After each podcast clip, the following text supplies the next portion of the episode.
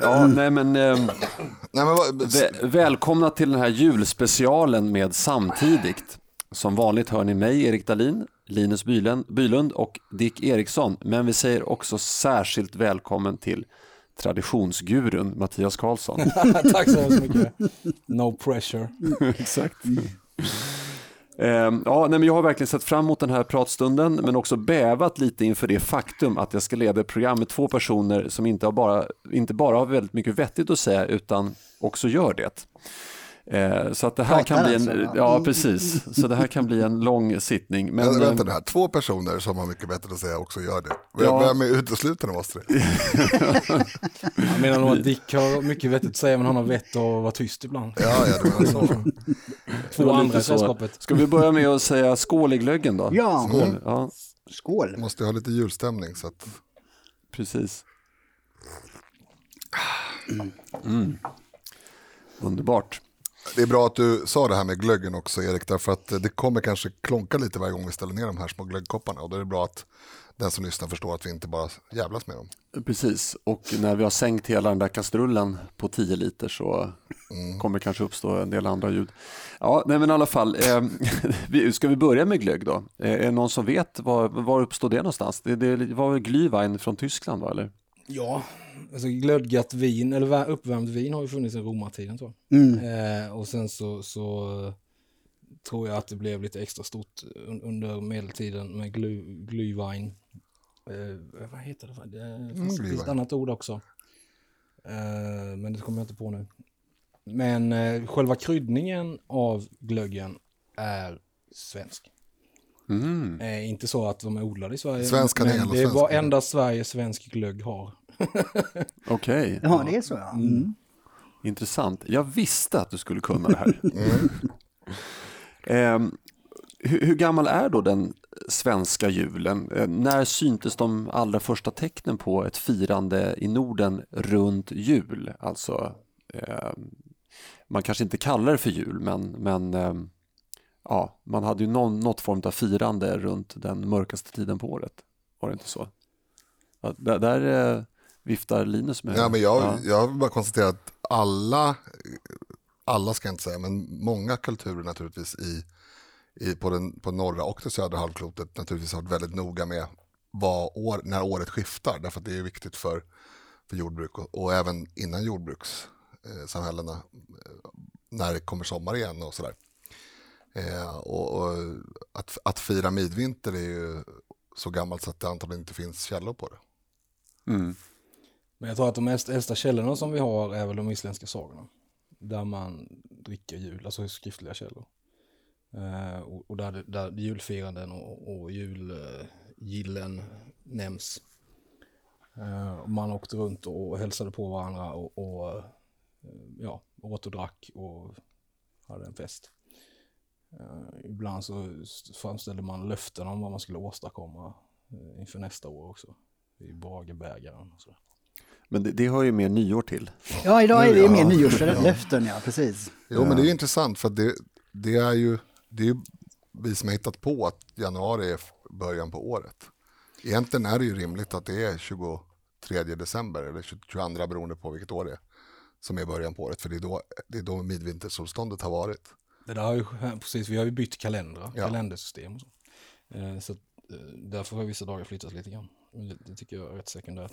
Ja, ja. Nej, men jag, men- jag menar det, att det, det var ju samma dag förut. Essensen är ett ord som jag har väldigt fäst vid. I det hela som är det relevanta. Just det. Ja. Men vi ska inte prata om den nedärvda. Då kan det bli dålig Det har stämning. vi redan Nedärvda gjort. julessensen. Ja. Ja. Ni som har hört specialavsnittet med Mattias Karlsson som gäst har ju redan hört den nedärvda essensen ältas till leda. Ja, och har man inte hört det avsnittet då ska man höra det.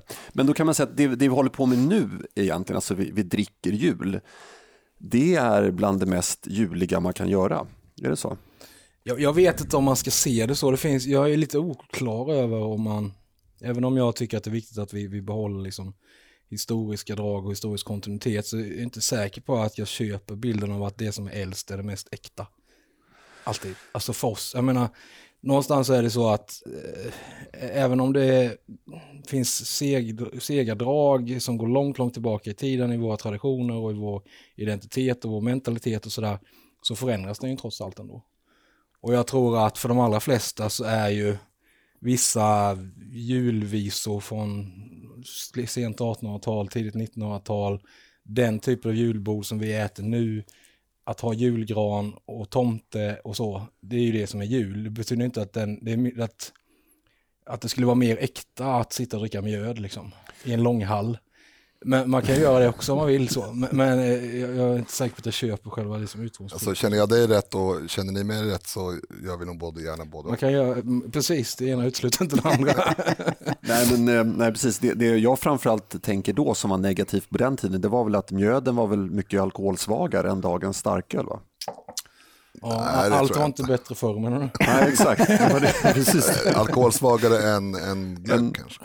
Uh, ja, men mjö- mjöd, det, traditionell mjöd, det var väl bara ett par procent. Det var väl liksom mellanöl i bästa Det går fall. väl inte att, att bli bärsärk på 2 nej, det gick nog, det gick nog att få upp högre tror jag. Ja, det kan vi ta reda Ja, på någon gång. Ja. Vi får återkomma i laget runt vid något Ja, jag- jag- vi får ta reda på Det mjödstyrka. var första och sista gången jag killgissade i dagens program. Eh, men eh, Om man Alla- bara skulle ha rätt hela tiden, vad ska folk prata om då när efteråt när man lyssnar på det här programmet? Alltså, jag tror man ska, vara, ska passa på och bara killgissa lite. ja, ja. Och Tillåta sig själv ha lite fel ibland så att det blir lite diskussion och energi kring.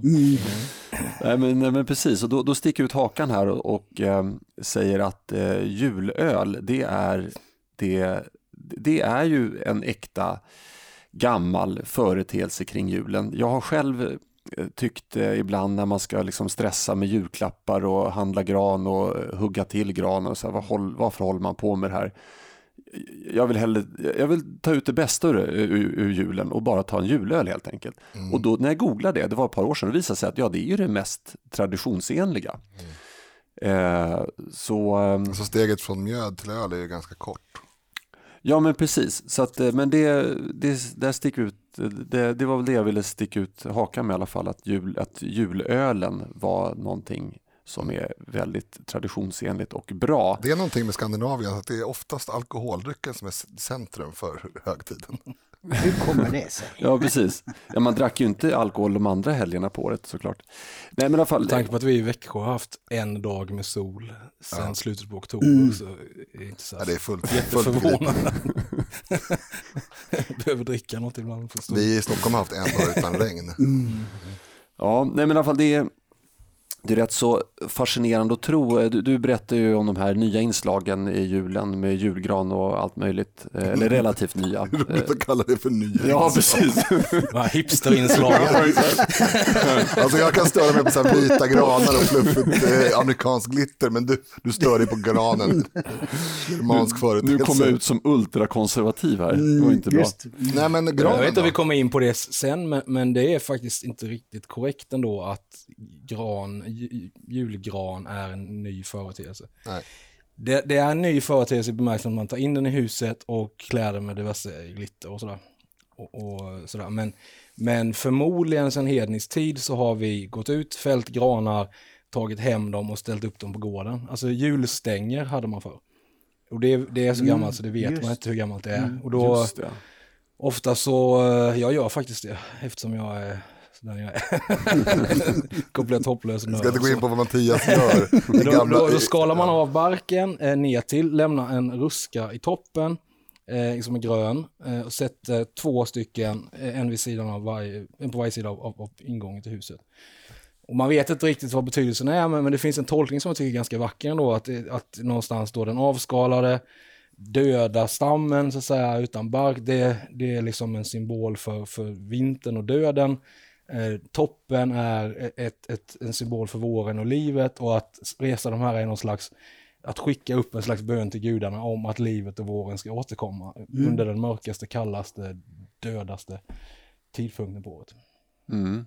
Nej, men det skulle vara väldigt praktiskt, eh, tar ju mindre plats. Eh, Mm. om, om man nu väljer att bära in den. Om man nu inte bor i lägenhet då.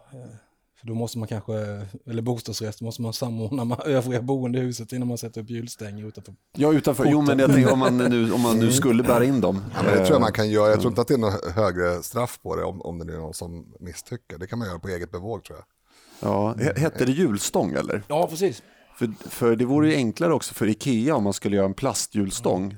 För att eh, de här, det, är väl, det är svårt att få till de här barren eh, i plast så, så att de ser Ja, ut. Ja, Men en plast stång, ska man inte hålla Då ska det på nog med. heta vinterstång va? Det finns, det finns en massa så här jul, julstänger och julruskor, även där man liksom man, man kan slå in, eh, man har en skiva som man gör hål i och slå in pinnar så att det skapar ett visst mönster, en viss symmetri eh, också. Så en annan form av julstång som, som ju ser väldigt eh, gammal och hednisk ut. Eh, som är, finns mer uppåt landet. mm. En mycket ny tradition det är att ha en gran som man gräver upp och har i en stor eh, zinkbalja på vardagsrumsgolvet. Den är så ny så att det var förra veckan jag gjorde det. Det var en väldigt eh, kul grej faktiskt. Vi har en levande gran hemma som växer i jord. Stötte på åter- det i Holland faktiskt för några år sedan. Ja, alltså jag var inte först. Eh, nej.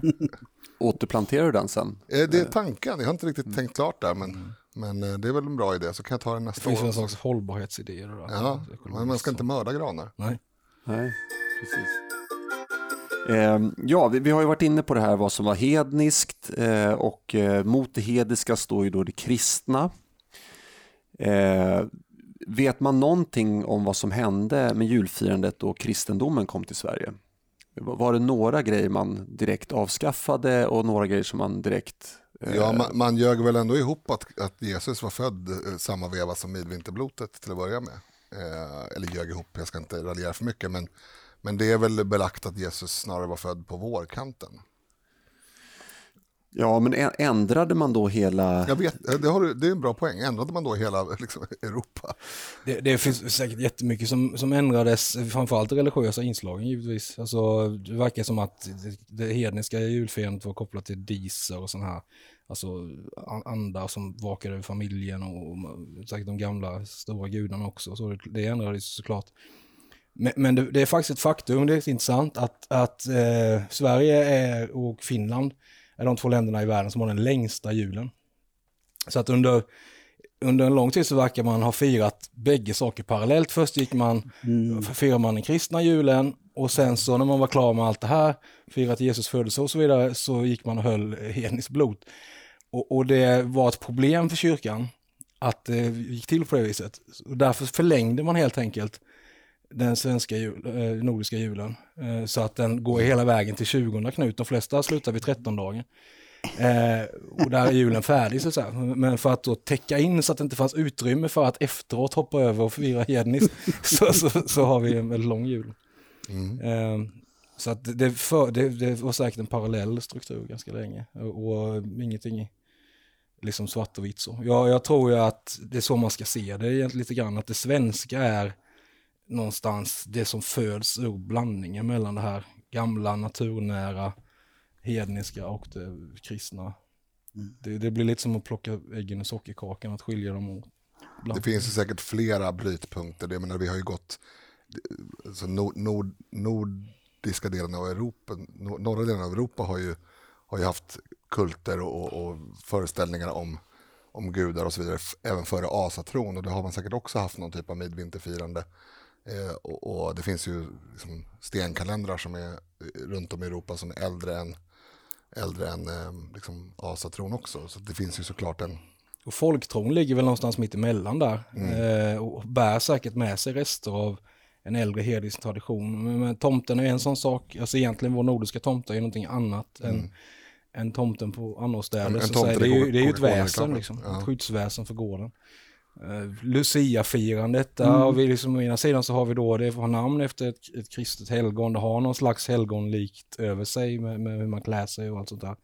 Men man firade ju, alltså det, det var lussenatten, verkar ju gått jättelångt tillbaka i tiden som en, en tidpunkt där man trodde att andar och väsen var särskilt aktiva man behövde skydda sig. Man satte upp och lussevakade för att eh, hålla de här onda väsen stången och, och så. Och det är ju Mm, inte men- en kristen idé. Så allting är ju i någon mening en, en blandning. Drack man då också eller? när man satt uppe. Det gjorde man nog faktiskt. Ja, Du, du, Och den- du, du, du fightas. Fightas för Alkoholens den. centrala roll. Jag bara säger Men det att som har överlevt längst är ju då beteckningen på det, jul. Det har ju det. ingenting med kristendom att göra. Christmas säger man ju på engelska ju, men här säger vi jul. Ja. Ja, utan H. Men, men vi får inte glömma liksom, alltså 1800-talet och 1700-talet och 1600-talet och ännu mer tillbaka när, när liksom det centrala kanske var att man gick till julottan på julmorgonen och, och alltså den kyrkliga delen var ju väldigt stark och är för, för många idag också väldigt stark och, och tycker jag vacker. Jag är, inte- jag är inte troende kristen men, men det finns ju väldigt vackra och tänkvärda inslag i den kristna delen av julen. Nå- Något som skiljer Sverige också från eh, många andra länder det är ju att i Sverige är det julafton som är grejen. Ja. Men vad jag har förstått i eh, anglosaxiskt, eller är Sverige ett anglosaxiskt land? Nej. Nej. Nej, tack. Phew. ja.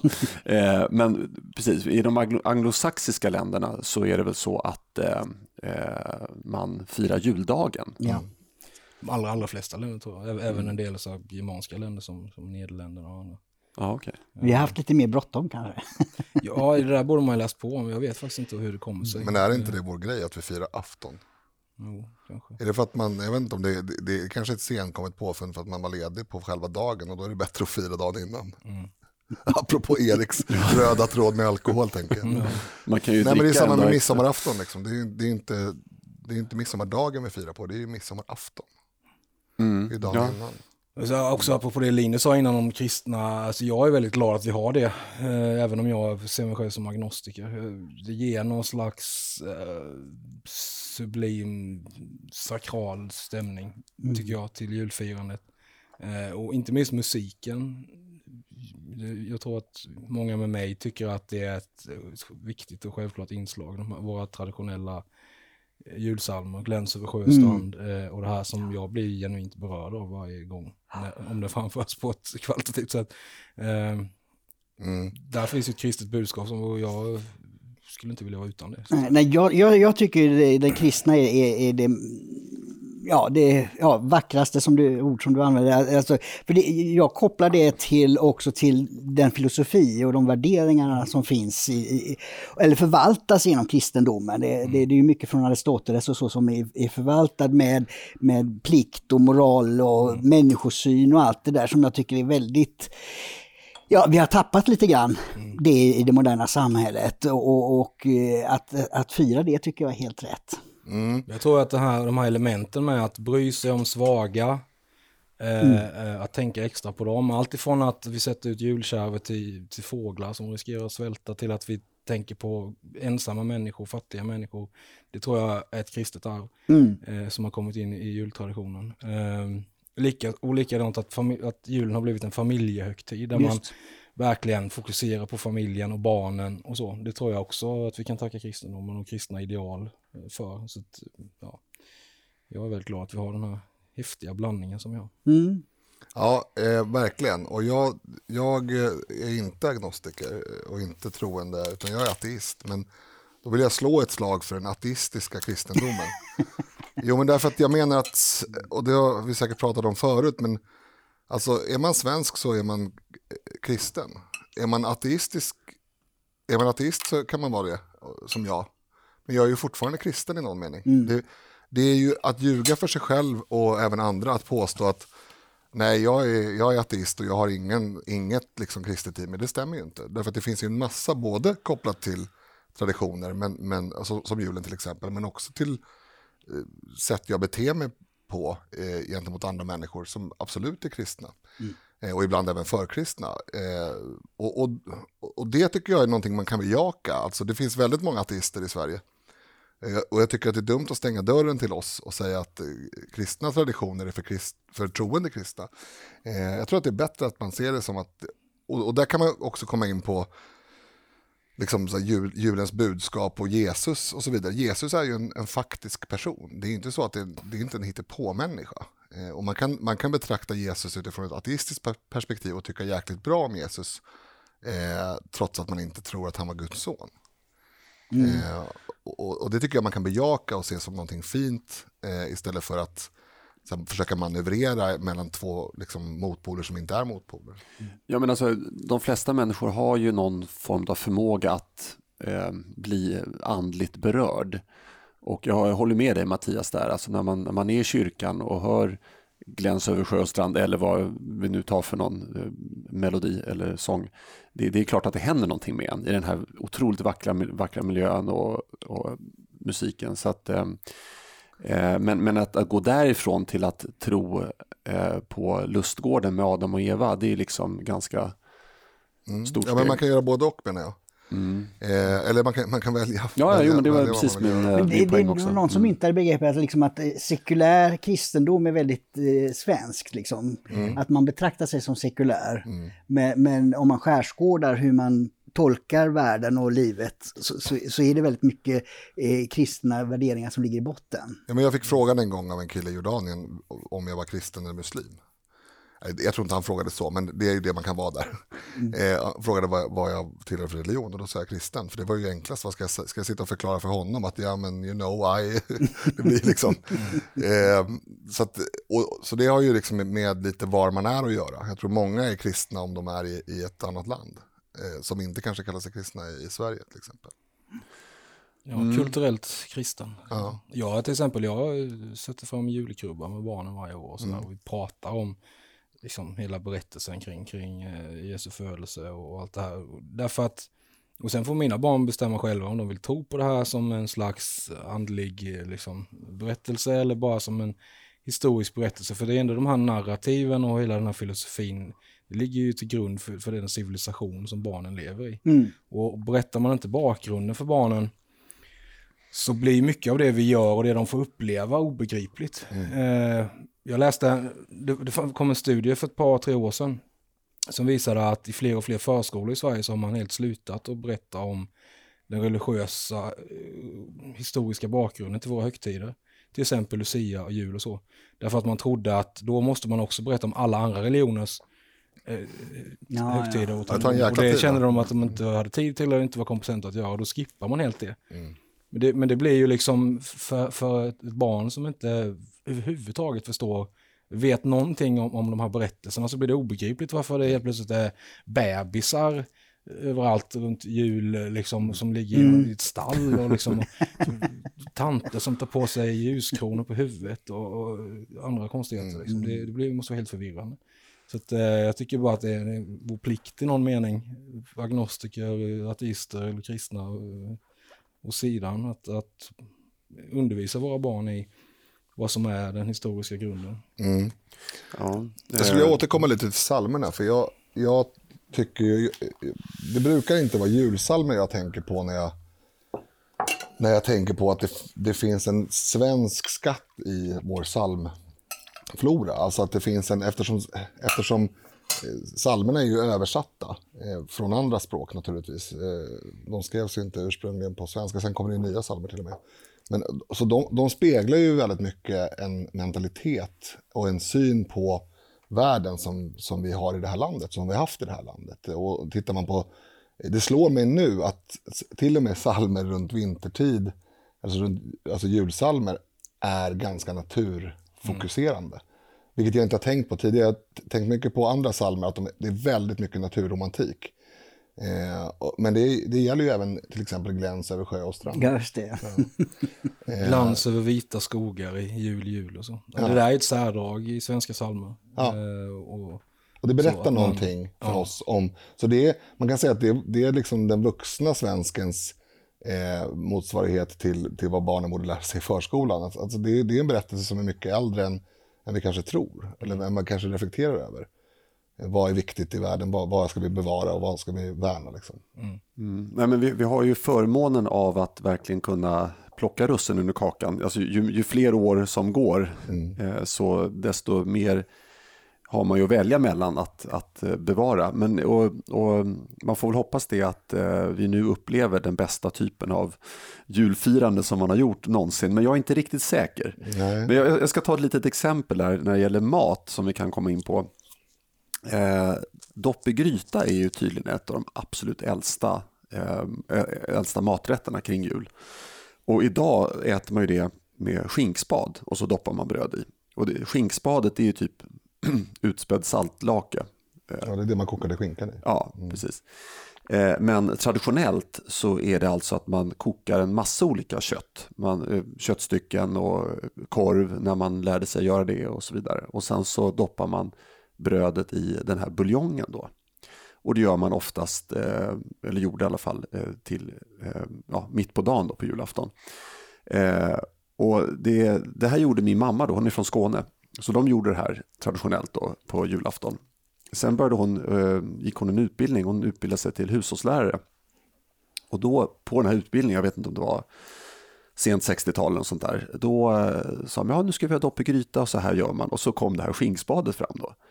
Eh, och, och då tänkte jag, men sjutton, vad är, vad är det här för någonting? Så det är inte alls det här jag är van vid från, från mitt barndomshem.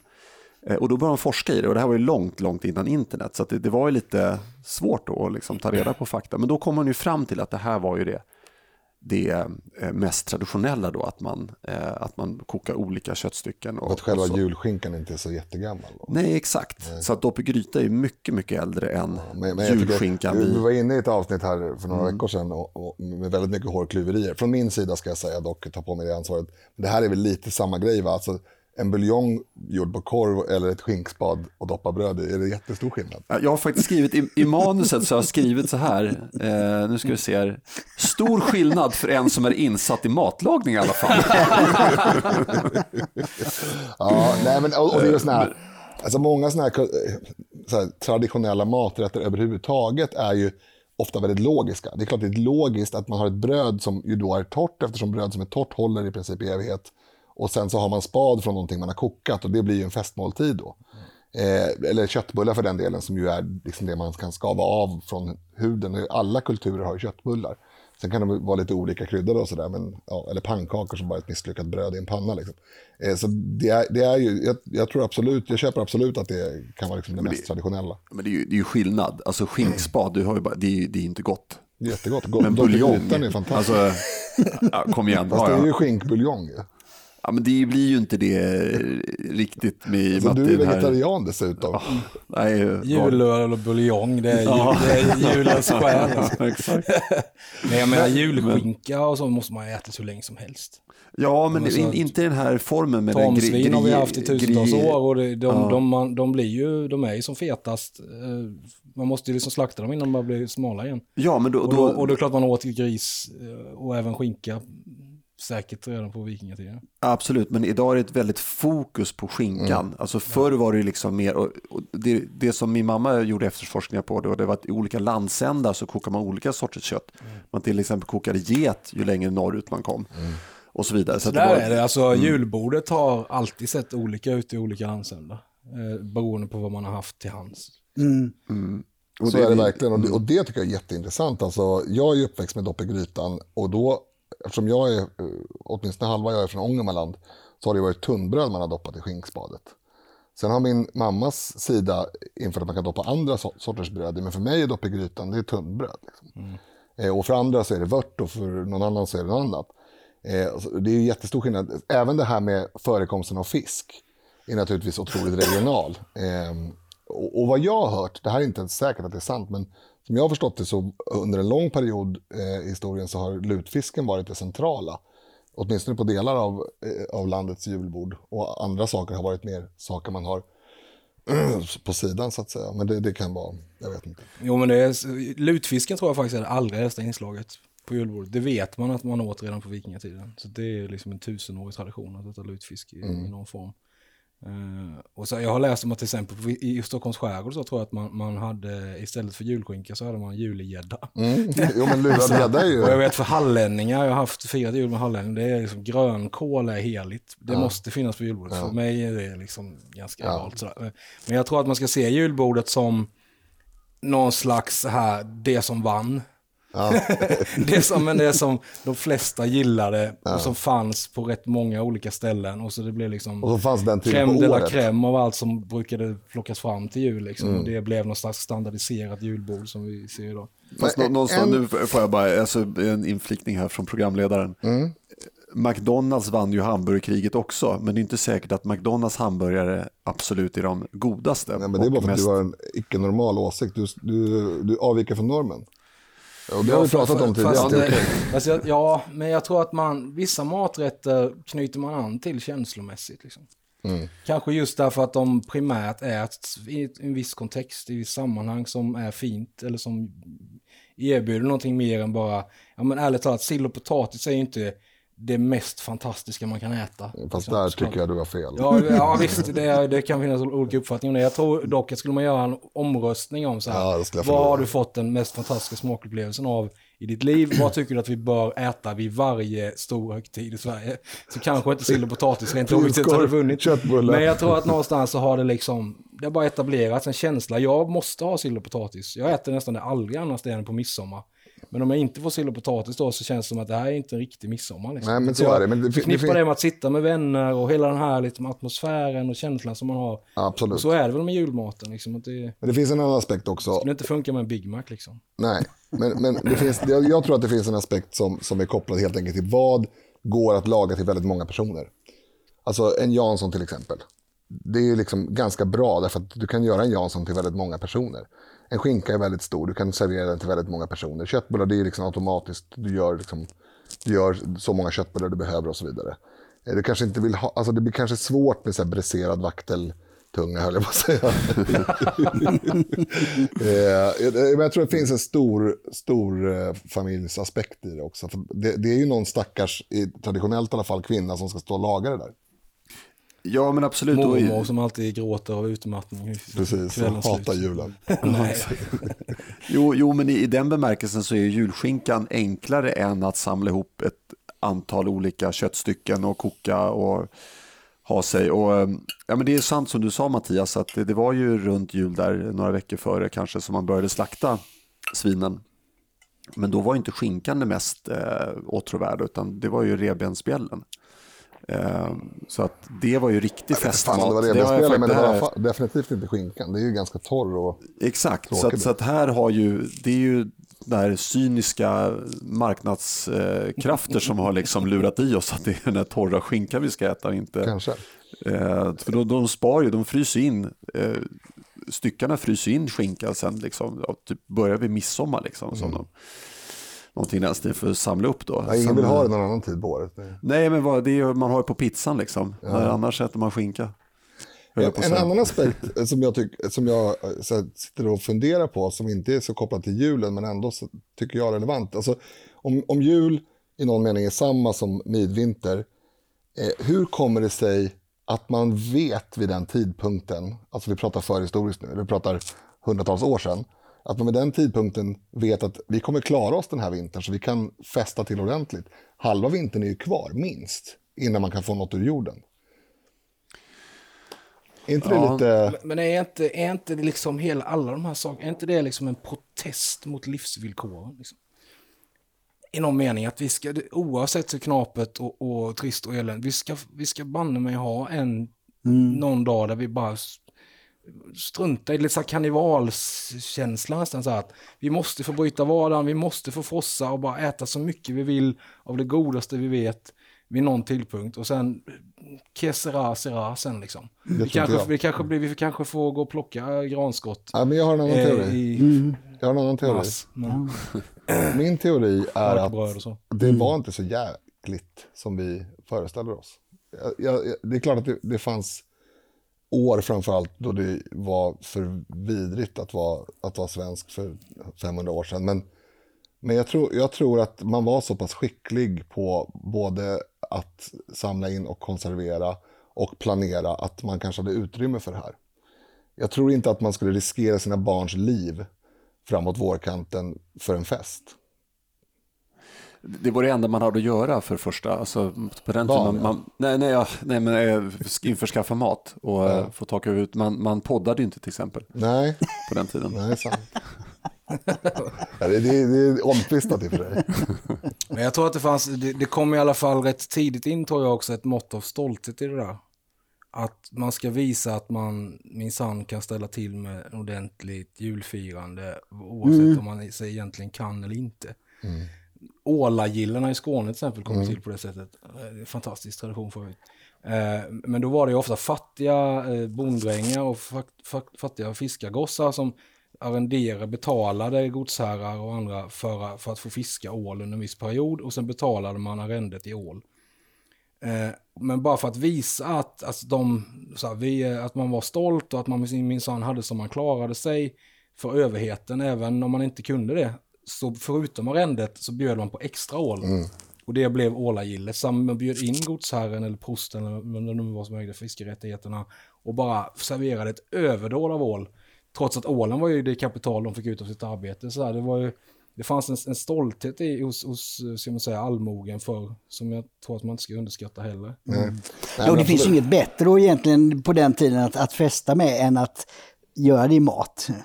Alltså det, det, eftersom det är en sån central del av livet. För att återknyta till dagens huvudämne så får man säga All I want for Christmas. Nej, det var kanske inte föll så god jord. Ja, men nu ska vi, gick ta... all in på den. Ja, Exakt. Vi har ju tidigare i podden tagit upp eh, kanelbullens dag. Mm. Eh, det kanske inte du vet Mattias, som inte är någon... Du kanske inte är en stor konsument av den här podden. Jo, jag tror vet jag, lyssnade på det. här. Du, du är väldigt hatisk. det var jag. Ja, det, är- det är Linus och jag som är... Ja, ja, ja. Dick är lite mer neutral. Men i alla Jag fall, är eh, Det, det, vi konstaterade ju då att det var ett påfund av vissa marknadsaktörer i syfte att öka konsumtionen av bageriprodukter. Kan det finnas liknande inslag i julen? Kan julgran, ja julgran har vi redan pratat om, nu läser jag till i manus här. Men, eh, men det kan ju vara så att det har uppfunnits inom citationstecken då, av skogsägare och att julklappar kan ha uppfunnits av detaljhandeln. Vad tror vi om det? Nu, nu får Dick, Dick har ju, ja du sitter du och viftar Linus. Men, Nej, men eh, om Dick vill säga något. Dick, Nej, Dick men får spekulera eh, här.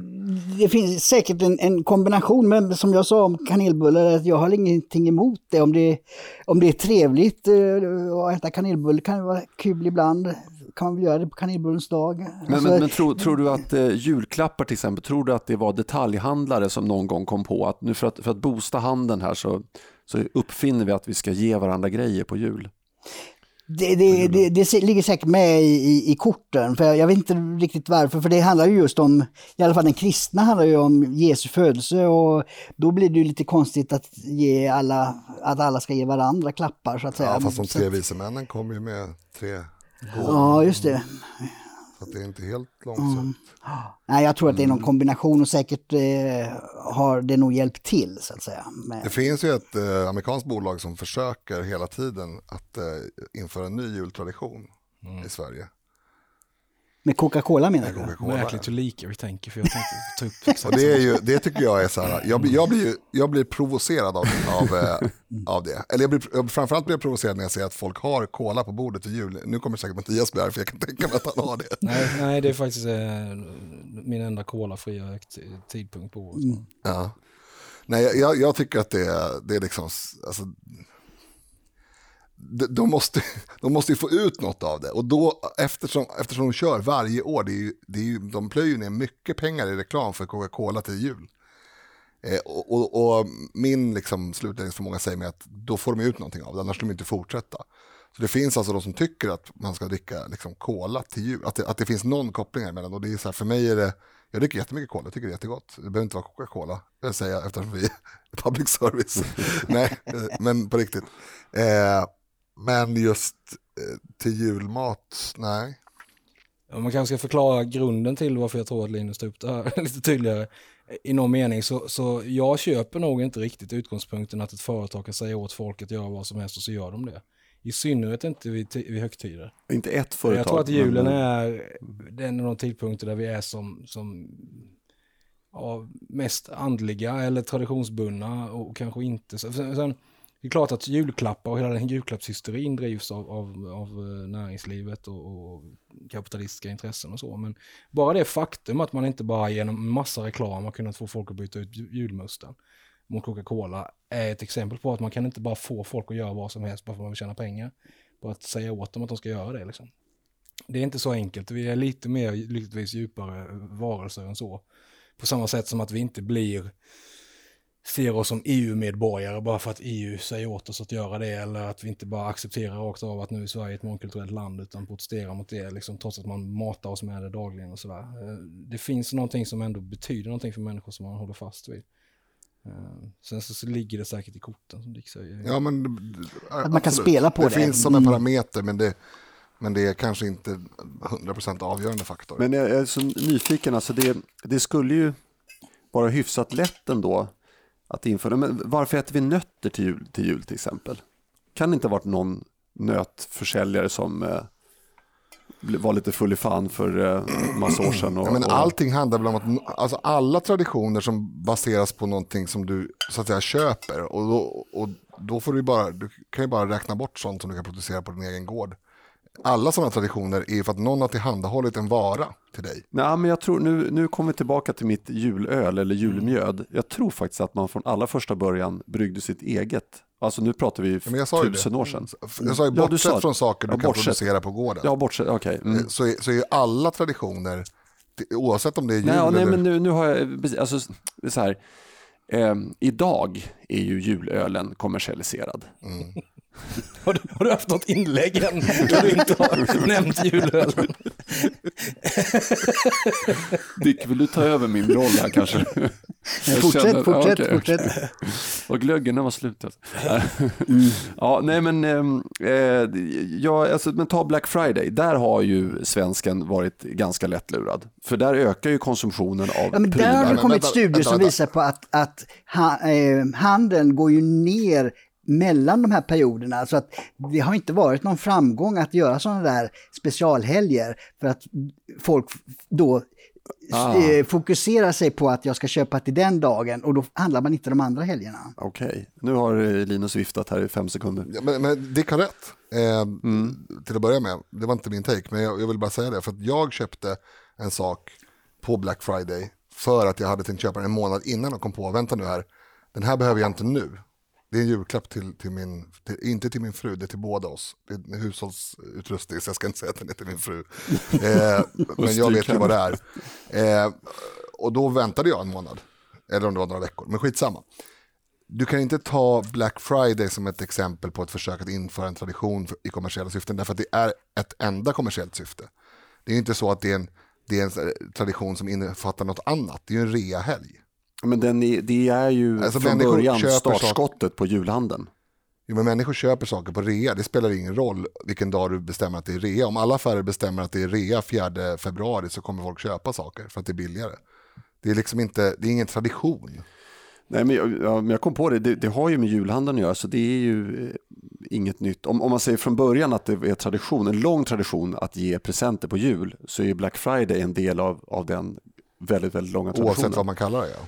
Ja, Ja. Nej, men jag, jag trodde eh, ni alla skulle bara spotta ur er exempel här på fikon till exempel. Ja, det, men är något, det var Men, en eh, ja, men det är precis det jag fikonbonde som... säga. Alltså när det gäller men- nötter så har du fel.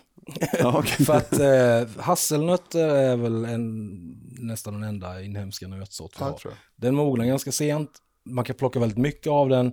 Det man har mycket av ställer man såklart fram när det är massa folk som, ja, och så. Och det, att man lekte nötlekar kring jul och sånt, det går flera hundra år tillbaka i tiden. Så jag, jag tror att det har liksom grundlagts i någonting annat. Sen har vi kanske inte pekannötter och andra nötter, men, men så. Och fikon och sådär, tror jag, det handlar väl liksom om att allmogen har ju alltid velat vara som överklassen. Liksom. Och, och till att börja med kungafamiljen. Och, och det som kom långväga ifrån och som hade en exotisk smak och som var svårt, så här, det ville man ju sätta fram vid särskilda tillfällen. Det gjorde ju adeln och kungafamiljen och andra.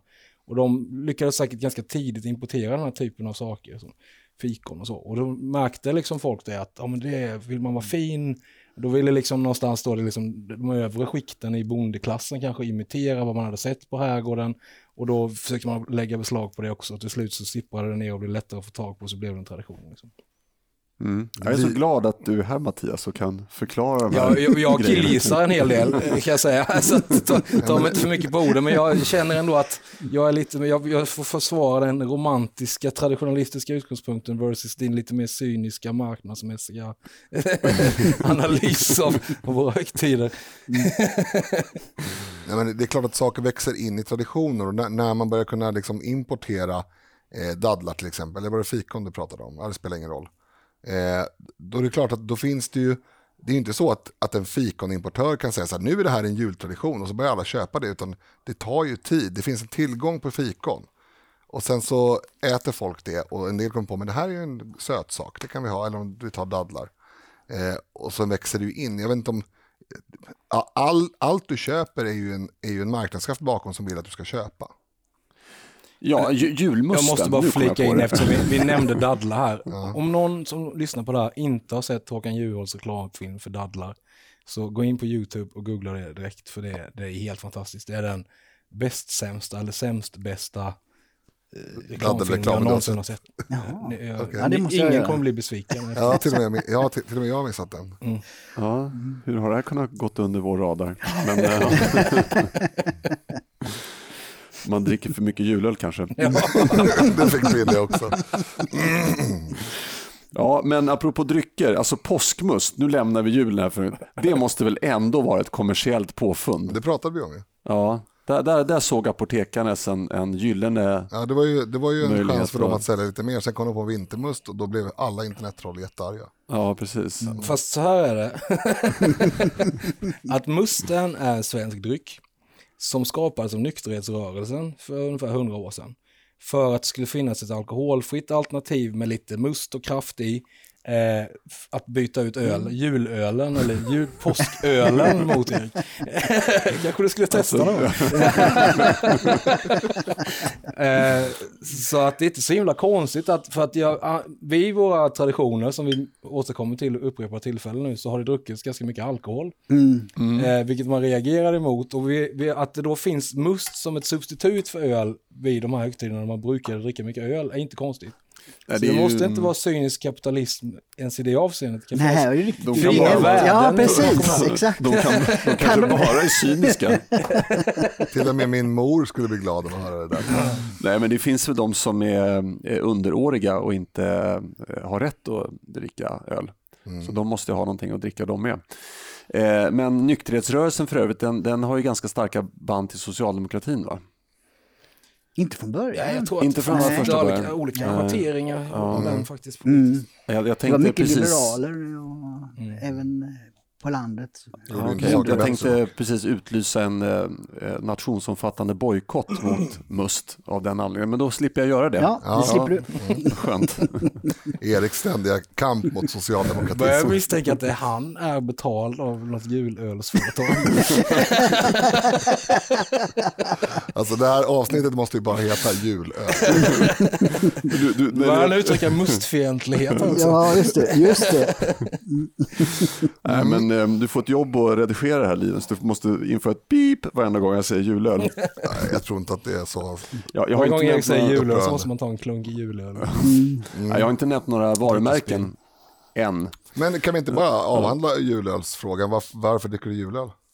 Eh, Ja, du, det var en bra fråga. Nej, men det är väl för att eh, man har en sån trist vardag så att när man går in där på systemet i början av december så oj. Men brukar inte det vara så här backar? mörkt, lite bayerskt? eh, Ja, det, det är inte sådär, alltså, jag har väl ingenting direkt emot det, men det, det är väldigt varierande kvalitet tycker jag. Det, den, den sämsta, om du tar den sämsta lagen på Systembolaget och den bästa, det, det är skillnad men ingen jätteskillnad. Men tar den sämsta julölen och den bästa julölen, alltså det är som dag och natt verkligen, tycker jag. Så att det gäller att pricka rätt. Ja, Jag har aldrig prickat rätt. Jag har all, aldrig fått en julöl som jag känner så här, åh, den här skulle jag kunna tänka mig till och med att dricka på midsommar. Men, men då ska jag testa från, från min sponsor. Nej, jag skojar. Nej, jag är inte någon Jag skulle kunna nämna ett, ett varumärke, nu, för jag fick faktiskt första gången i mitt liv av min flickvän, som är en fantastisk människa, en eh, öl, julöl-adventskalender. Ja, jag såg det på... Eh, Jätteroligt. just Ja, eh, okej. Kanske vet hur nyttigt det är, framförallt inte med min vikt och sådär, men, men eh, kul grej alltså. Eh, och där, ja visst, ja, kvaliteten varierar ju, märker man ju. Mm. Tar Sen är det du, ju kommer ju smaken liksom. sen ska man öppna luckan på morgonen, enligt svensk tradition. ja, det kanske inte är så jättebra. Du kanske öppnar Nej, man får- luckan kan och sen öppna så suktar du efter den där ölen hela Ja, dagen. precis. Man måste ju ställa in den i kylen, eller kanske hela kalendern står i kylen. Men en, enligt din... det här måste jag nästan då flika in eh, för att bara dra ut på programmet ännu mer. En, en anekdot om det här med att göra fel saker på morgonen. Att när jag hade kommit hem, förra gången jag kom hem från USA, jag reser ganska mycket nu som internationell sekreterare, så var jag otroligt jetlaggad. Då fick jag av en, en vänlig moderat kollega eh, tabletter, vad heter de här? Melatonin. Ja, melatonin. Ja. Ja. Och jag trodde att det var någon slags återställning för att så här komma i, bara slippa jetlaggen liksom. Bara för- så jag tog dem till frukost. det är ju typ sömnmedel. Det är så jag gick sömnhormon. runt och var helt dåsig och jättetrött hela dagen. Och förstod inte vad som var fel tills jag liksom började kontrollera det. För, för de som inte vet vad melatonin är så är det Jag alltså, tror att man ska varken ta melatonin eller julön till frukost. Nej. det är alltså sömnhormon. ja. Det är sömnhormon. Ja, förlåt det finns andra för- tabletter om man vill bli lite uppiggad, men eh, sånt säljer vi inte här. Skvallra inte om det för Mattias med tanke på hur ofta han behöver bli uppiggad. Jag tror det kan vara farligt. Nej, men eh, jag såg det enligt din eh, julölskalender så var det julafton redan för ett par dagar sedan. Jag har faktiskt en massa över som jag tänkte bjuda på på julafton. Trevligt. Vad har du för adress? Eh, återgå till mitt manus här. Eh, Jag har ju vissa frågor som kanske lite, blivit lite, eh, inte det aktuella, men jag skulle ändå vilja gräva lite vidare i det här om det är några inslag i julen som mer eller mindre har försvunnit, men, men som det ändå är, eh, som man sörjer lite grann. Eh, till exempel den här julstången, det kan man ju sörja för att den inte barrar lika mycket som en julgran till exempel. Nej, men jag funderar på, nu, nu har inte jag kollat det, hur, hur det är med mina sy systerbarn, men jag, en viktig del tyckte jag av eh, upptrappningen till jul var skolavslutningen på höstterminen. Att när jag gick i skolan då, då hade man den i kyrkan. Och, och eh, även prästen pratade och man hade alla de här psalmerna och, och, så vidare. Och så fick man betygen och så vidare. Jag vet inte om det är så längre. Jo, det förekommer ju, men det är inte alls lika, alltså, då var det väl mer eller mindre lagstadgat, mm. jag säga. Eh, Jag hade ju också alltid julavslutning i kyrkan, Högadidskyrkan på Södermalm. Otroligt pampigt och, och, väl- och precis som du säger, det blir en, ett avstamp då som är liksom julbetonat i sig och kristet julbetonat dessutom. Ja. Men har man inte det längre? Eller? Alltså vi, jag kan ju tänka på mina egna barn. De Mina har ju barn har aula, men det är, för, det är för att de har en sån väldigt fin aula i skolan. Det är bara ett svepskäl. Men har de julmusik och sånt eller? Eh, Alltså psalmer och sånt? Det har de väl inte då? Ja, men de har ju lite mer progressiva inslag också Mm. eh, med andra låtar. Men visst sjungs det lite traditionellt fortfarande, det gör det. Men förskolan som mina barn har gått på, eh, det, var, eller det är en kristen förskola. Eh, och där är det avslutning i kyrkan. Jag har nog ingenting som jag personligen sörjer för det har jag sett till att eh, fortleva eh, i någon mening i familjekontext. Då. Sen som extrem traditionalist så finns det ju massa saker jag sörjer som har försvunnit som går jätte, jättelångt tillbaka och som ändå fanns en väldigt lång tid. Så här. Eh, dels att man såg julen som en, inte bara julafton utan som en lång högtid med massa olika traditioner. Staffansritten på jul, annandag jul tycker jag var en cool grej när man hade kapp, eh, eh, man, man red i kapp till, till, till heliga källor eller eller bara till en bäck någonstans. Och hade, det var ju det som var ursprunget till Lucia-tågen, man stannade i gårdarna, gjorde lite uppträden, eh, sjöng, eh, fick en snaps, kanske en julöl, vad vet jag. eh, knutfirandet var jättestort, det finns hur mycket traditioner som helst kring, kring 20 Knut. Eh, och knutgubbar och utklädningsseder och ma- massa sådana här saker. Att man utlyste julfrid, det gör man ju fortfarande i Finland på vissa ställen. För att förr i tiden var det ju så att man, lagstiftningen ändrades under julen. Det var, det var dubbelt straff på alla typer av stölder, våldsbrott, allt som störde friden. Liksom. Ja. Det, för att markera att det här är en tid när vi, det, det ska vara, vi ska ha frid eh, och, och man ska vara snäll mot varandra och attans den som, som bryter mot det där. Men kan det här finns- det finns Operation Rimfrost vara någon modern variant? Vad är det? Vet du inte det? Operation Rimfrost. Ja, jag vet, Nej, det, polisen, vet, men det är ju mer Ja, ja, ja, marknadsföringsgrej ja, ja, ja. egentligen. ju. Mm. Ja, jag, namn jag försökte vara rolig men det, Ja, det är inte ja lätt. men varför inte? Jag tycker jag, jag gillar själva tanken. Jag skulle kunna tänka mig att återinföra jul. Jag kan tycka att det är lite. Julfriden. Jag tycker att- att det ger en lite konstig rela- relativ syn Jag tror kan gå tillbaka ända till Birger Jarls fridslagar faktiskt. Där vi också fick kvinnofriden. Nej, Jag kan tycka att det, det alltså vänder man på det så kan man säga så här, ja, men om du väntar en månad så kan du begå det här brottet för bara halva straffet. Ja, visst. Man kan alltid problematisera. Men ja. Julbocken tycker jag är cool med. Synd att den försvann. Men, men det är väl lite sådär... Man, vad var det den symboliserade då? Var det... Det, det, vet, det, är, det är ju en hednisk. Det, det finns teorier om att det går tillbaka till Tors bockar. Och så. Ja. Inte det ja, någon ja. sorts förgrund? Jo, det var ju julbocken delade ut julklapparna före tomten. Precis. Eh, det kunde fått vara kvar, tycker jag, lite vid sidan av i alla fall. Vi, vi behöver liksom inte vara så kategoriska. Vi har ju ändå, bara vi har ju ändå julbockar. Det gamla så fort. Ja, det har vi. Halmjulbockarna finns ju någon mening kvar. Då. Mm. Ja, den i Gävle finns väl bara kvar ibland dock. ja, precis. Någon dag här och där. Ja, nej, jag har själv inte någon sån där bra svar på eh, vad man skulle kunna snappa upp från förr, men kanske lite färre julklappar då. Om det är nu en, en anti-reaktion så att säga. Ja, Det är också roligt att kapitalisten säger det. eh, men, men alltså, jag tycker lite som Mattias att det man saknar får man väl då kanske, kanske anamma. För att om man, om man saknar någonting så, alltså det är inte förbjudet. Nej men, nej, men det, det var, Och- om, om du hörde, mig- nu får jag men- min, min fråga var ju faktiskt alltså att det som är eh, mer eller mindre försvunnit. Alltså, så att det var ju, Mm. Jo, jag har en- var jag har ju en att, fortsättning här. att någon skulle Jag har plocka upp fortsättning här, och det är lite självkritik. För jag kan ju sakna liksom den här, jag har ju aldrig gått till julottan. Liksom. Eh, och och det, det kan ju jag bara börja göra. Det är, jag är en vuxen man, i alla fall rent juridiskt. Fast du är ju gift. Så du, du kan inte, du måste förhålla dig Sant. Men hon skulle, nog vara, hon skulle nog vara positiv till det. Och det kan jag bara börja göra. Det är liksom inget jag kan sitta och gnälla på. Ja, men det är väldigt bra poäng. Och det, som, som då liksom, återigen, traditionalist och kulturnörd, sådär att saknar man något, är det något man vill återuppliva, bara gör det liksom. Mm. Och blir vi bara en kritisk massa som, som gör det så, så kommer det ju börja leva igen. Det är inte något, bara för att något är nästan försvunnet eller helt försvunnet så måste det inte vara dött för alltid. Liksom. Ja, och just julottan är ju absolut inte försvunnen. Nej, det måste Det varit finns ju- otroligt mysigt. Tänk förr liksom när alla åkte och på riktigt åkte kanske häst och släde med facklor och, och så till julottan och hela liksom, by, den gemenskap som man fanns i träffades där och, och sådär. Men det är väl också lite skälet kanske att en sån tradition försvinner. Därför att idag kan vi träffa vem som helst, Ja. eh, hur som helst, eh, när vi vill. Och vi åker bil. Ja, men jag menar, jag tänker på nätet och så vidare. Och liksom, Då var det ju ändå så att man kanske inte träffade sina grannar, eh, och då menar jag grannar som är liksom några kilometer bort, särskilt ofta. Eh, eller man kanske gjorde det någon gång i månaden på olika högtider. Och då blir den här kyrkträffen otroligt mycket mer socialt intressant än, än den skulle vara idag. Det är för jag har faktiskt det på min bucketlist att typ åka upp till Dalarna eller något och fira jul där någon gång och, och, och faktiskt åka häst och släde. Folk har så här bungee Till jump julottan, och liksom. eh, Ja, det. du har eh, släde i Dalarna. Det är ändå, o- det är ändå uppnåeligt. Och Ska man tro Miljöpartiet så kommer vi inte ha snö någonsin mer om två år. Så det Nej. kanske är kört.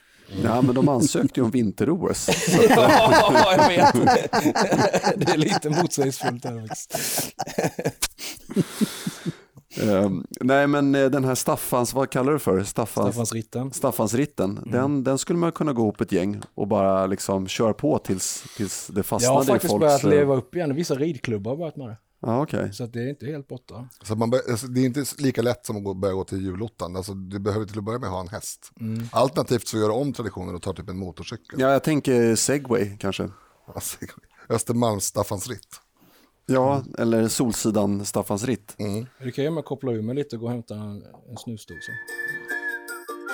Där gjorde vi en liten så kallad konstpaus eh, för att Mattias skulle förse sig med julsnus. Snuspaus. Du, nej, snuspaus, men det kanske är någonting man skulle kunna börja sälja, julsnus. Med lite glöggsmak. Jag tror att det finns. Eller har Det finns tror jag. Aj, attans. Något gotländskt bolag också. Kunde Där inte, rök kunde den inte profitera på det heller. Det är- Kapitalismen har en dålig dag idag. Men jag tror att det, det kan vara så att det saknas ett snus med julölsmak. Ja. ja, men då kommer jag att börja snusa ju. Mm. Det är inget bra. Kan inte motstå denna eh, underbara smak. Eh, ja, eh, men i alla fall. gammal tradition. Ja, precis. Sen 2019. Nej, nej, nej. Jag kan dra hela snusets historia också. Jag har, snu, jag har snuset, jag tänkte julölssnuset. Ja, precis. Ja, du är så välkommen tillbaka så.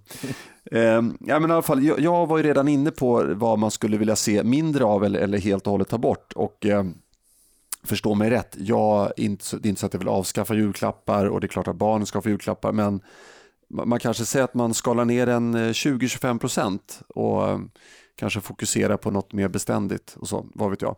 Eh, men eh, har ni någonting eh, som ni skulle vilja att man strök? Eh. Nej, men det, jag håller med där att, att eh, låta ja, friden ta lite mera tid, att, att, att, koppla av lite mer. För jag upplever att väldigt många i, ja, även i min omgivning är väldigt stressade inför julen och allt man ska göra. Och jag, och jag tror att man skulle kunna eh, må bättre av att, att koppla bort en del saker. Och... Det är där julölen kommer in i bilden. Ja, just det. Ta ja. det en sån istället. Ja. ja. men jag tror att det, det, det, det, skulle nog många må bra av. Mm. Så att du vill koppla bort stressen helt enkelt? Ja, ta mm. det lite cool. Ja. Mm.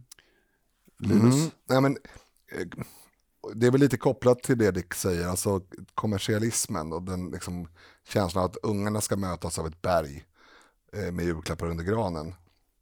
Vi försöker komma bort lite från det, eh, men det, man landar ju ändå, alltid i att, ja men titta den här pennskrinet, det vill den dottern ha. Och, den här, och sen så blir det som man tycker liksom att jag, nej men eh, den här lite äldre dottern då, hon kanske inte vill ha hon vill nog mest ha en slant, men då blir det ju ändå en liksom, ordentlig slant då. Eh, och så vidare. och Så vidare. Eh, så det, det, är svårt att liksom avveckla den här eh, köphysterin, men jag, jag, tror vi har lyckats lite i alla fall i, i år. Men kopplat till det här med, med, stressen skulle jag också vilja säga att jag har, och det kan, kanske har att tacka då den, den, svenska traditionen att julen är så lång. För eh, jag, jag ser nämligen själva julafton som snarare starten på eh, min jul. Eh, och, och, då gör det inte så mycket om den är lite hetsig. Det gör inte så mycket om vi ska åka dit och dit och hämta klappar och lämna klappar och fira jul på annan ort, vilket vi ska göra i år, och, och sen åka hem på kvällen och sådär. Eh, därför att sen börjar julfriden för mig, för då är, det, då är julen över och så gör vi någonting som är mer, eller då är julafton över och så gör vi någonting som är mer avkopplande och kanske åker lite skidor och kanske Eh, framförallt äter överbliven julmat till, till leda. Eh, så det, jag tror man kan få, eller jag i alla fall kan få avkopplingen ändå, trots själva stressen. Alltså jag måste säga att hittills har det varit väldigt tråkiga svar. Ja. Mm. Kan inte någon bara säga så här, ja, men, avskaffa granen? Ja, det, det, det, det, är en avart som aldrig någonsin borde... Då får du söka lite mer revolutionära sällskap. Ja, men jag kan men, säga... men den lägst hängande frukten tycker jag är ju är den där förbaskade julmusiken. Alltså, eh, som man börjar, vissa kanaler, kommersiella kanaler börjar spela själlös, ytlig, modern, amerikaniserad julmusik i över en månad innan, mm, varje ja. dag, hela tiden. Mm. Och att inte liksom butiksbeträden och andra bara, att det inte blir mer psykoser, eh, är ett, ett, det är ett av julens underverk. Ja. eh, för det är, det är för mycket, liksom, man slutar lite grann. Ska man vara lite allvarlig också så, så vi har ju varit lite alkoholromantiska här och så. Och jag har aldrig upplevt det i min familj, men jag vet att det förekommer. Mm. Att, att man, vissa vuxna sett alkoholen i centrum för julfirandet att det går ut över barn. Att man känner att nu är det jul, och måste man dricka och man dricker för mycket och man kan inte hantera det och det, det skapar, ja det sliter isär familjer och det skadar barn och sådär. Så de som håller på med det, bara skärp er, sluta. Ja, eller eh, fira jul någonstans dit ni måste ta bilen som jag gör. Eh, så blir det ingen, det kanske blir en julöl. Mm. Eh, det är ett bra sätt. Linus? Ja, jättebra att Mattias såg upp det, för det är en sån grej som jag faktiskt både har problem med och har avstått själv. Alltså, när jag, jag är ju alkoholromantiker av rang, jag vet alla som känner mig, det är, jag spottar inte i glaset och jag tänker inte ha någon moralkakor kring alkohol. Men jag har långtgående moralkakor kring alkohol i någon större mängd i, i sällskap av barn. Alltså jag, jag har ända sedan jag fick barn avstått alkohol åtminstone medan de har varit vakna på jul. Jag har kanske tagit någon, någon öl till maten möjligtvis, men, men alkoholrus då. Helt, tills de åtminstone har somnat. Sen kanske jag tagit en whisky efter det, vad vet jag. Men jag är inte liksom, jag inte framställa mig själv som något helgon här. Men, men det tycker det hade jag blivit svårt. Ja, precis. Men det tycker jag, jag tycker att det är en självklarhet och jag tycker att, precis som Mattias säger, att de som inte tycker det och de som faktiskt blir packade inför barn på julen, de, de ja, men bara ta och skärper för att citera en klok Men herre. i denna frågan som så många andra tycker jag att man måste kunna hålla två tankar i huvudet. För att lika förbannad, eller inte lika, men jag, jag blir förbannad på människor som, som inte kan ta sitt ansvar och, och leva upp till sina plikter som föräldrar ens under jul. Liksom. Eh, och som sitter och, och super ner sig, bråkar med sin partner och beter sig illa och sådär och, och förstör julen för barnen. Det är liksom oförlåtligt. Det, eller, det är inte oförlåtligt, alla kan förlåta, särskilt jul, men det, det, är någonting som man bör verkligen tänka till kring. Men sen så det här då att motsatsen blir då att ingen ska få dricka något på jul för då är man en dålig människa. Mm. Det är också, stör jag mig också på, Ja. ja. talat. Därför att man, som en vuxen person så borde man veta lite grann hur man hanterar sånt där. I mitt fall så firade vi med hela tjocka släkten så länge mormor och morfar levde. Och alla mina morbröder liksom tycker om att ta några snapsar och, och ett par julöl. Ja, och, sådär. och det var aldrig något problem. Nej. Alltså det, de kanske blev lite eh, salongsberusade, men den enda effekten av det var att de blev lite gladare, sjöng lite julvisor, lekte mer med oss barn. Eh, det var bara trevligt, jag har inga negativa, och det tror jag inte någon av mina kusiner eller min syster har heller. För att alla kunde hantera det. Men, men vet man med sig att man inte kan det, då är det klart man ska avstå helt för att Mm. ens, ens hamna där. Så att säga. Men liksom balans, lagom är bäst. Men jag håller med 100%, men också lite därför jag, jag valde ordet packad. Därför att jag tycker det, det symboliserar ändå ett tillstånd där man inte riktigt hanterar verkligheten eller situationen. Och den, det tillståndet kan inträda efter två öl för en person eller efter tre flaskor whisky för en annan. Och då måste man ju göra sin egen bedömning. Jag, jag eh, skulle kunna dricka mycket mer på julafton utan att mina barn får illa. Men jag har bara tagit ett principbeslut att jag, jag dricker mig inte liksom berusad inför barnen därför jag tycker att det är onödigt. Sen tror jag också att det finns en liten em, korrelation mellan hur nära ett barn är en vuxen eh, rent relations och släktmässigt och hur mycket det stör med personlighetsförändring. Alltså jag, jag tror att en, en pappa som normalt är på ett visst sätt eh, och blir lite väl rund under fötterna på julafton kanske kan vara mer problematisk än en morbror. Eh, för att det kan vara en rolig farbror som, som sjunger så roliga sånger utan att det är pro problematiskt alls. Men, men det, ja, det var mer en, ett, ytterligare ett hårklyveri. Men i, i, nu har i bakhuvudet här så eh, har jag ett minne av att Var det julöl eller? Ja, precis. Minne av att, eh, att jag inte minns någonting. Nej, men eh, att under julen så sker de flesta skilsmässorna rent statistiskt om man liksom slutar på dagar eller vad, hur man nu gör. Eh, Men då tänker jag, det finns ju massa andra högtider där man dricker alkohol, inte minst eh, midsommar, påsk, eh, ja, kräft, kring kräftorna om nu det är en högtid. Men eh, alltså va- varför är det just, man, man talar ju också om att det är just under julen man ska ta det lugnt och tänka på att det Nej, inte... jag tycker den diskussionen kommer upp över runt midsommar. Att man inte, jag har samma policy där för övrigt. Det, Ja, jo, men det var det jag skulle komma till. Att det är Jag lite... tror inte skilsmässorna primärt kopplat till, till, till alkohol faktiskt. Eh, jag- Jag tror att det handlar om att det är väl den tiden på året, möjligtvis med undantag av semestern, då, så att säga, där man umgås under en längre tid intensivt. Mm. Och då märker man då, alltså Ja. i vardags kanske man kan undvika varandra, någonstans så inser man väl då att nej, jag kan inte leva med den här människan längre. ja, men exakt. Plus att det finns så mycket ideal också kring jul.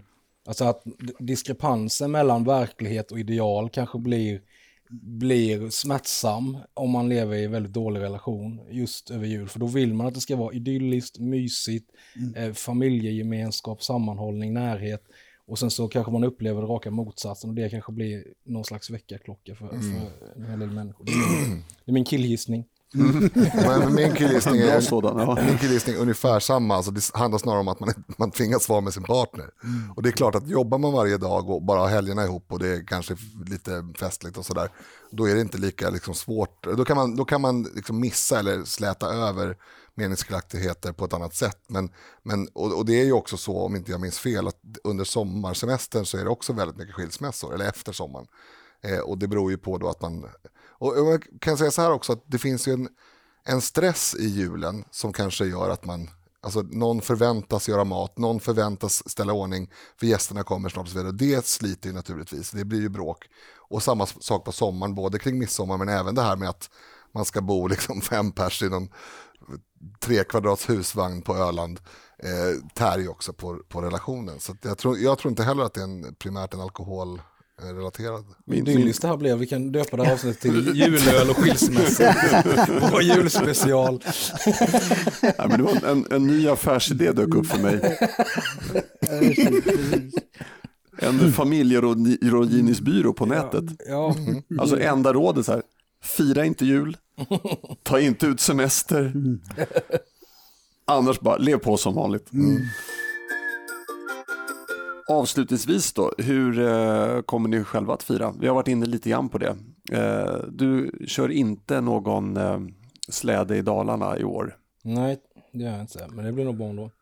Jag ska, jag ska fira lite tidigare för jag är ju så här, lever ju i en stjärnfamilj som det heter. Så att barnen ska vara hos sin mamma på julafton. Så då tar vi ut det lite i förtid. Eh, och då ska jag för första gången sammanföra min släkt med min flickväns släkt. Så det blir intressant. Men det, jag tror att det kommer bli jättemycket. Jag ska vara med på min gård. Eh, och det blir traditionellt och, och trevligt och sådär. Och sen så ska jag följa med min flickvän upp till Uppsala efter det. Och fira med hennes familj. Linus? Ja, jag ska åka till Norrköping. Till Det låter svärmor. trevligt. Mm.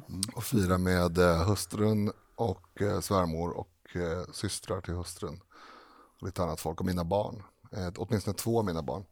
Och jag har ju samma som Mattias då, fast tvärtom. Jag, jag är också stjärnfamilj. Ibland ingår för övrigt Mattias i den stjärnfamiljen. Men Jag har faktiskt ett Facebook-album som heter Stjärnfamiljen Bylund Karlsson. Från när vi var på semester på Öland. Eh, jo, men så är det. Nu, Men, jag men, tänkte avrunda avsnittet men det, nej, men jag, jag, vad jag skulle komma till var att jag har motsatt eh, mot Mattias den här julen. Att jag har barnen på, på julafton. Och de kommer fira med sin mor eh, dagen innan. Och sen så hämtar vi dem på julaftonsmorgon och så har vi vårt firande. Sen ska vi åka norrut lite senare under julledigheten. Åka lite skidor och njuta av snö och kyla. Precis, jag åker till Göteborg. Där har jag ju en stor del av min familj. ju. Framförallt, det- Kärna det är väl syrran, hon har fyra barn då. Ju.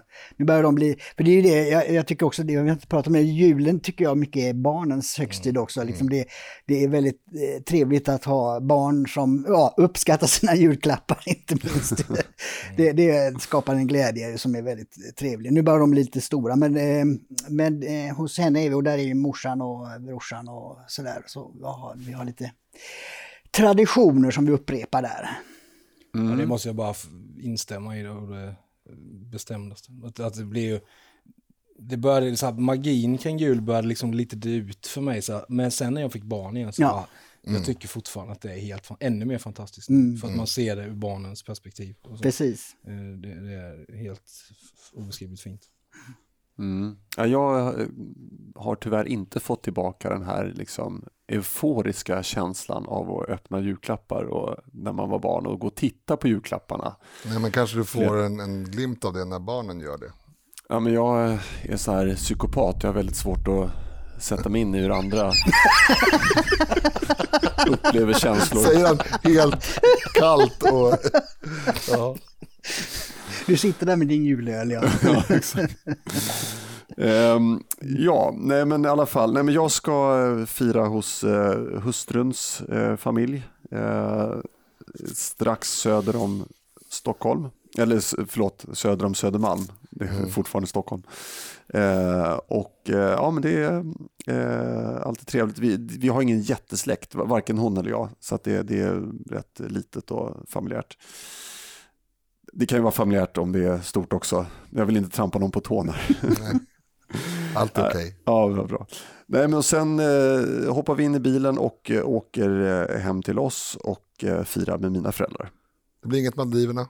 Nej, Nej. Det, nej jag, så pass mycket eh, gillar jag julen att jag gillar faktiskt att vara hemma under julen eh, och fira. Sen nyår har man inte lika starka känslomässiga band till. Ja, det hade man mest runt tonåren. Ja, nej men det är ju, ja precis, eh, det är bara att ta med sig lite raketer och flyga någonstans. Jag blev för sig stoppad i tullen en gång när jag tog med mig den. Jag skojar. Ja, ehm, i sann överkonsumtionsanda vill vi på samtidigt ge dig en julklapp Mattias. Eh, Fantastiskt. Ja, eh, men jag- vill påpeka då att eh, den är inhandlad för privata pengar. För vi vill inte utsätta oss för risken att bli anklagade för att muta våra intervjuoffer. eh, och ett obligatoriskt rim har vi också författat. Det låter så här. Nu är det slut med politiska fejder. Här är en julklapp från irländska nejder. Vill du öppna den redan nu eller? Ja, jag, jag, jag tar mig för Nej, så gör man. Ja, fantastisk. Det är ju min eh, favoritwhisky. Ja, Eh, och där ska jag då dricka lagom, i en lagom mängd. eh, och njuta av och, och tänka på mina fantastiska poddvänner. Kände du att det var att det var av tradition som du ville ge mig den här eller har någon, någon typ av multinationellt bolag eh, förmått dig? att- det, det var Linus som tipsade mig. Jag tipsade om vad det var, vad det var för något som, som gällde. Nej, men jag tycker ändå Nej, men det var... tusen tack, jag uppskattar det verkligen. Ja, men det Jag var får lite lite dåligt samvete för att inte jag köpte till er då. Klassisk Vi har redan druckit massa glögg här, vi är nöjda. Mm, Det är väl att du är här. Det är likadant när man får julkort. Jag fick ju av dig till exempel. Ja. Det, det är ju din hustru. Så bara, "Åh, för, ska vi skicka till... Även om jag inte skickat julkort på så här, Nej, men jag, fick typ av, någonsin, jag fick av några så får jag jag alltid kände. ett styng av dåligt samvete Ja. om jag får ett julkort av någon som jag inte skickat julkort tillbaka till. Ja, jag med. Jag, jag vet precis vad du menar. Jag fick av eh, viktiga Men personer. bara så att du vet så tycker jag väldigt mycket om er även om jag inte fick ett julkort från mig. Det är Och jag tycker väldigt mycket om dig också Erik, fast du inte fick någon julklapp av mig. Ja, det, eh, att, att din närvaro här var eh, julklapp så det räcker och blir över. Åh, Du glömde om Dick också. Ja, Dick tycker jag är helt fantastisk. Jag tycker väldigt mycket om honom också. Men eh, vi har inte, jag står inte i någon slags skuld. Nej, jag förstår, jag förstod det. Jag förstod det. Jag hade inget att ursäkta Skicka ett för. julkort vet jag. jag, jag ska, bara för att komma på topp någon gång ska jag skicka ett julkort till Dick. som Ja, bara- just det. Lite dåligt samvete. Just det. Nu har jag både sagt att jag tycker om dig och fått ett julkort av mig. Ja, lika bra avrunda så att det inte här eskalerar. Eh, tack till alla er som lyssnat. Eh, och ett ännu större tack till er som eh, delar och sprider detta och andra avsnitt av podden. Som ni kanske har märkt så finns det ingen möjlighet att stödja podden med pengar och därför får ni gärna hjälpa oss på andra sätt. Till exempel genom att sprida ordet helt Just. enkelt. Mm. Mm. Tack Dick. Tack, Tack tack. Linus, tack mig själv. Eh, Men framförallt, stort tack Mattias. Tack själv. Tack så mycket. Och god jul. Och God God jul. jul.